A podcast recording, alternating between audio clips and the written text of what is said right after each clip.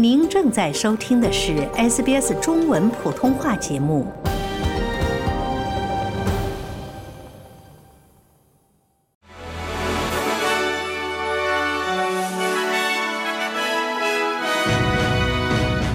听众朋友们，下午好，我是 SBS 记者秋实。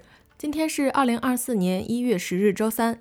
本期 SBS 新闻快报的主要内容包括：通货膨胀率降至两年来的最低水平。但政府仍然考虑在联邦预算中增加额外的生活成本补助金。澳大利亚超市巨头 Coles 表示愿意与政府合作进行对超市业的审查。台湾国防部错译警报，误称中国发射导弹而非卫星。法国迎来最年轻且首位公开同性恋身份的总理。下面请收听新闻的详细内容。联邦政府表示。尽管通货膨胀率降至两年来的最低水平，但政府仍考虑在联邦预算中增加额外的生活成本补助金。刚刚公布的十一月份通货膨胀数据显示，通货率为百分之四点三，低于十月份的百分之四点九，这是自二零二二年一月以来最低的通货膨胀率。消息公布后，澳大利亚证券交易所应声反弹，人们对澳大利亚储备银行下个月停止加息的希望越来越大。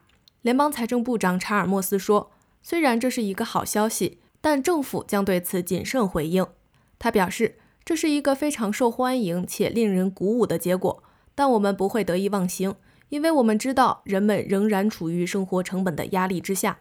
这就是为什么我们要继续推出生活成本救济金，这是有帮助的。我们在今天的数据中再次看到了这一点。”澳大利亚超市巨头 Coles 表示愿意与政府合作。对食品和杂货行业准则进行审查。大型超市，尤其是 c o s 和 Woolworths，被指控对顾客进行价格欺诈。联邦政府已任命前工党议员艾默森领导了这项审查。审查将研究的问题之一是，目前是自愿性质的超市行业准则是否应该转为强制性质。同时，联邦农业部长表示，像 c o s 这样的公司需要对他们的定价安排更加公开。因为人们越来越担心农民的收入和超市的售价之间的不平等。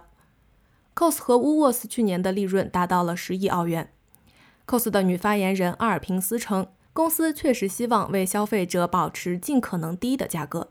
他表示，这是我们整个行业中必须共同努力的事儿，让澳大利亚人更能负担得起超市杂货。因此，我们愿意合作进行这次审查。周二，台湾国防部误发警报。在发给民众的双语短信的英文中，错称中国发射了一枚导弹而非卫星，并呼吁民众在选举前几天注意安全。目前，台湾国防部已澄清并道歉。在澄清声明中，台湾国防部指出，该火箭飞行路径非预警飞越我本岛南部上空，高度位于大气层外。中国官媒报道。中国在四川省西南部的西昌卫星发射中心，用长征二号丙火箭发射了一名名叫爱因斯坦的卫星。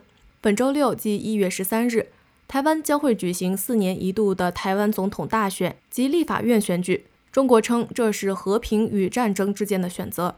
法国总统马克龙任命三十四岁的加布里埃尔·阿塔尔担任法国新总理。这是阿塔尔成为法国第一位公开同性恋身份的总理，同时也是法国有史以来最年轻的总理。阿塔尔是现任法国教育部部长，他将接替本周早些时候辞职的伊丽莎白·伯恩的总理一职。他曾因在新冠疫情时期担任法国政府发言人被民众所熟知。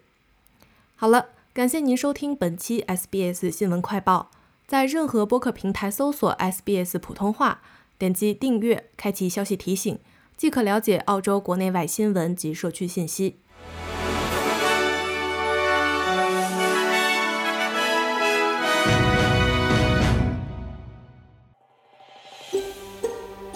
想听到更多这样的故事吗？您可以通过苹果播客、谷歌播客、Spotify 或者您喜爱的方式下载收听。